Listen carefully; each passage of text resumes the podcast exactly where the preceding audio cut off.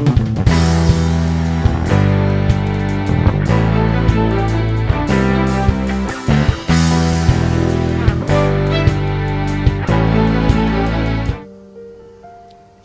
Bapak Ibu, saudara-saudari yang saya kasih di dalam Kristus. Apa kabar eh, hari-hari ini Bapak Ibu mungkin dalam kondisi uh, harus terpaksa ada di rumah, Bapak Ibu meninggalkan pekerjaan dan sebagainya.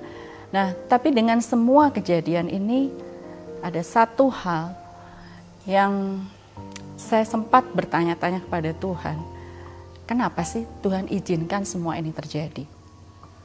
Tidak hanya di Indonesia, bahkan di seluruh dunia, bisa dibilang satu kekacauan yang cukup besar dikarenakan virus corona.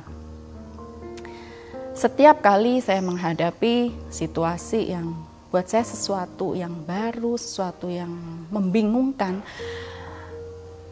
saya akan duduk di kaki Tuhan dan Tuhan kasih pertengahan Maret yang lalu satu mimpi uh, di mana saya berada di ruang doa saya seperti biasa, tapi saya dalam keadaan terikat.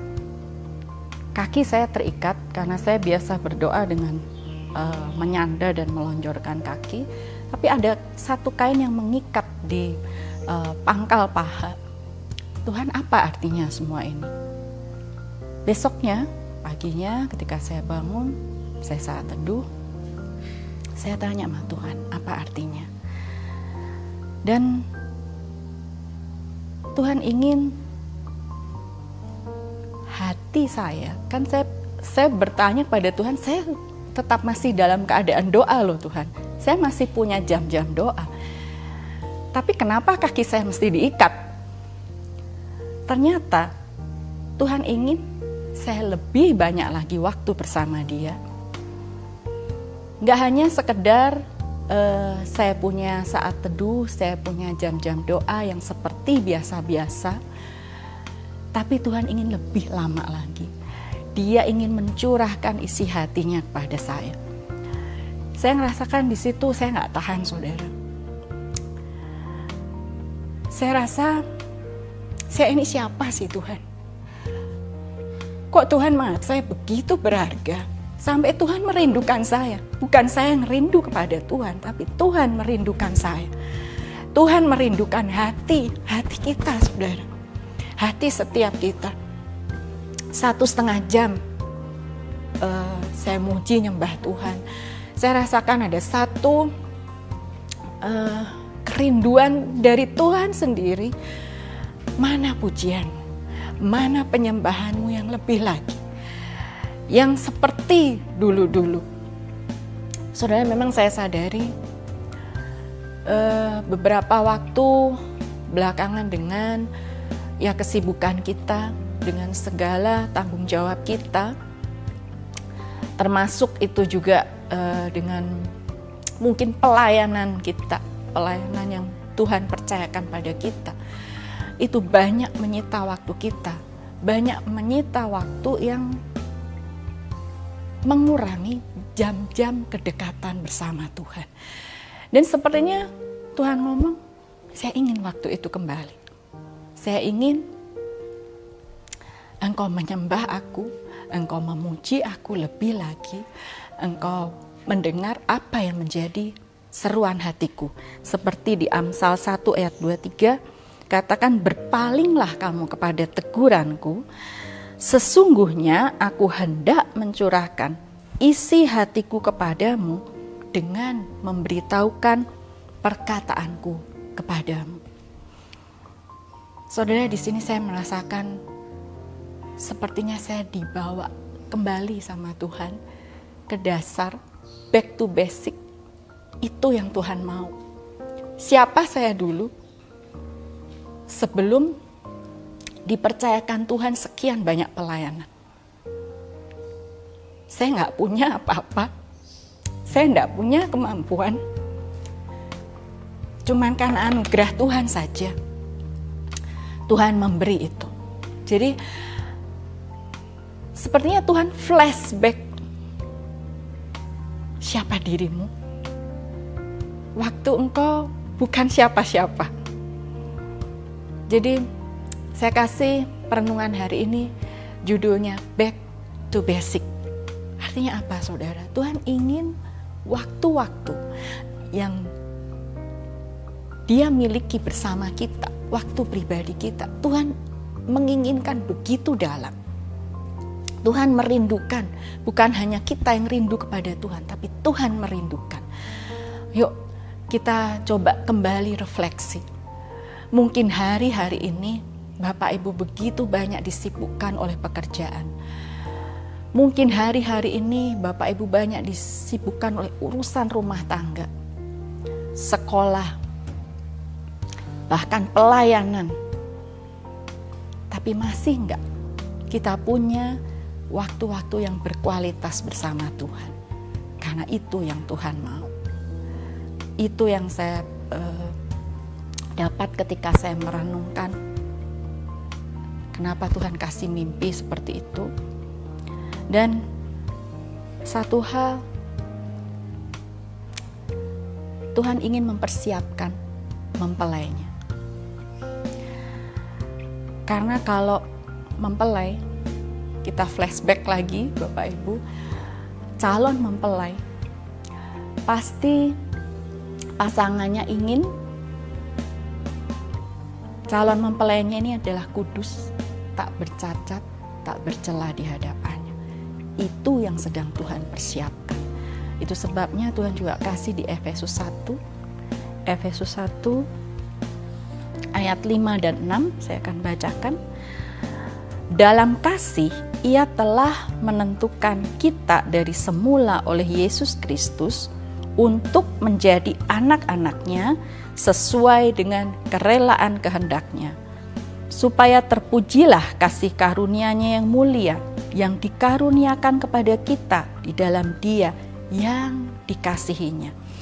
Jadi perikopnya di sini berbicara kekayaan orang-orang yang terpilih.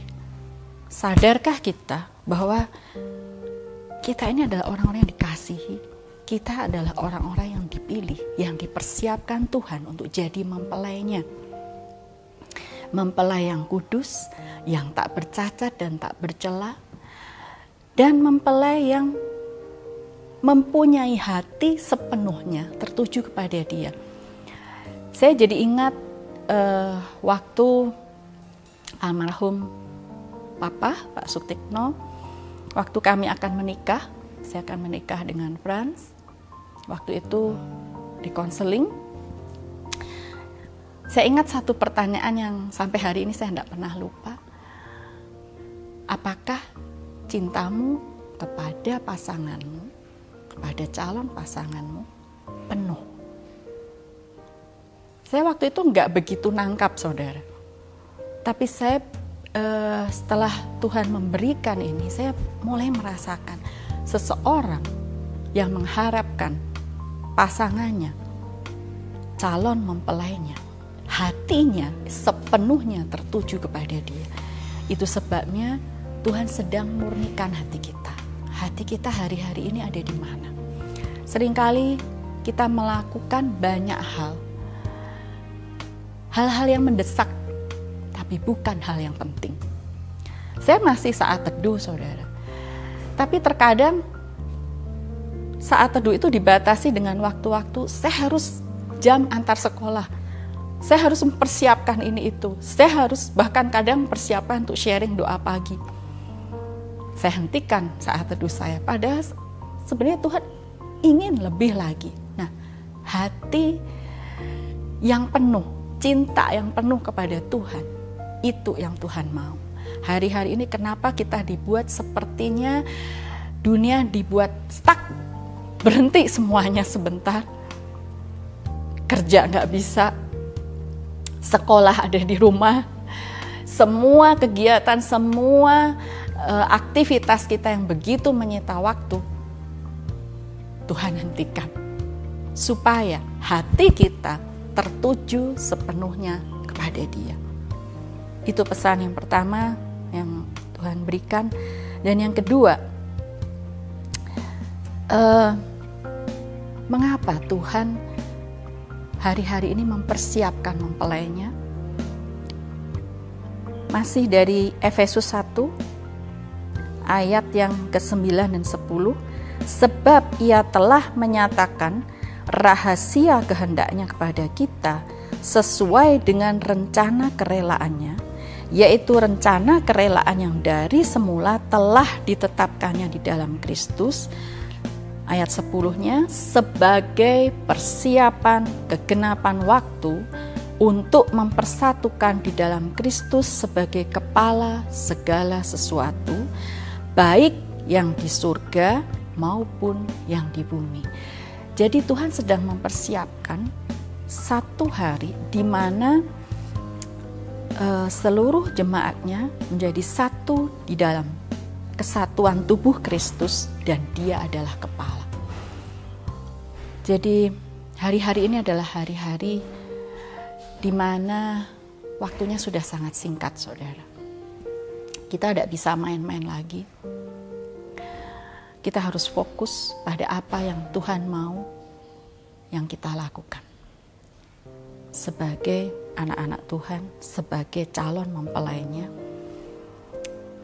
Hari-hari ini juga Tuhan bawa saya untuk karena saya kebetulan uh, melayani di MK.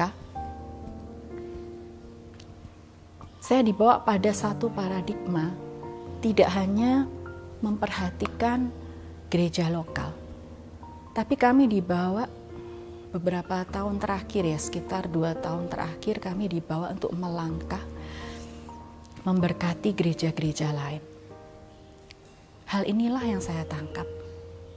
Kita melihat gereja sebagai tubuh Kristus, kesatuan tubuh Kristus, bukan hanya gereja lokal, bukan hanya PPL, tapi sesama tubuh Kristus. Kita harus memperhatikan dan Tuhan taruh beban itu di hati saya dan seluruh tim MK untuk ayo kita mempersiapkan ini. Satu hari di mana gereja Tuhan semua bersatu dan menjadi satu tubuh Kristus di mana Kristus adalah kepalanya. Mari saudara, hari-hari ini kita lebih banyak fokus dengan waktu yang terbaik yang kita berikan pada Tuhan. Karena Tuhan beri dan Tuhan izinkan kita banyak di rumah. Kita banyak waktu untuk berdiam diri di hadapannya. Dan tidak ada alasan lagi kita sibuk. Karena tidak ada yang disibukkan. Jadi hari-hari ini memang Tuhan ingin saya ulang lagi hati kita sepenuhnya tertuju kepada dia. Karena kita akan dijadikan milik kesayangannya. Siapa milik kesayangannya? saudara rindu menjadi milik kesayangan Tuhan. Di dalam Maleaki, Maleaki 3 ayat 16 17. Saya akan buka Maleaki 3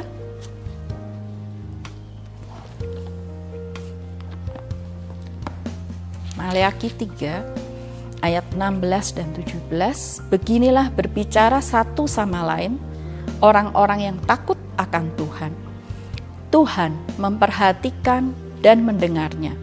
Sebuah kitab peringatan ditulis di hadapannya bagi orang-orang yang takut akan Tuhan dan bagi orang-orang yang menghormati namanya. Mereka akan menjadi milik kesayanganku sendiri. Firman Tuhan semesta alam, pada hari yang kusiapkan, aku akan mengasihani mereka sama seperti seseorang menyayangi anaknya yang melayani dia. Jadi di sini katakan siapa yang akan jadi milik kesayangan Tuhan adalah orang yang takut akan Tuhan dan orang yang menghormati namanya. Artinya kita coba selidik hati kita. Mungkin ada hal-hal yang kita harus bertobat. Mungkin ada hal-hal yang belum berkenan di hadapan Tuhan seperti Daud sering berkata, Tuhan, bebaskanlah aku dari apa yang tidak kusadari. Saya sangat suka dengan pernyataan Daud itu. Karena setiap orang itu cenderung merasa dirinya benar. Semua orang menganggap dirinya benar. Tapi kadang kita nggak sadar bagaimana di hadapan Tuhan. Biarlah hari-hari ini kita punya hati yang takut akan Tuhan dan kita hormat akan namanya. Dengan banyak memuji, menyembah dia. Nah, Maliaki 4 ayat 1 juga dikatakan bahwa sesungguhnya hari itu datang menyala seperti perapian. Jadi hari hari akhir tadi, hari yang Tuhan persiapkan, hari Tuhan, bahwa sesungguhnya hari itu datang menyala seperti perapian, maka semua orang gegabah dan setiap orang yang berbuat fasik menjadi seperti jerami dan akan terbakar oleh hari yang datang itu firman Tuhan semesta alam sampai tidak ditinggalkannya akar dan cabang mereka.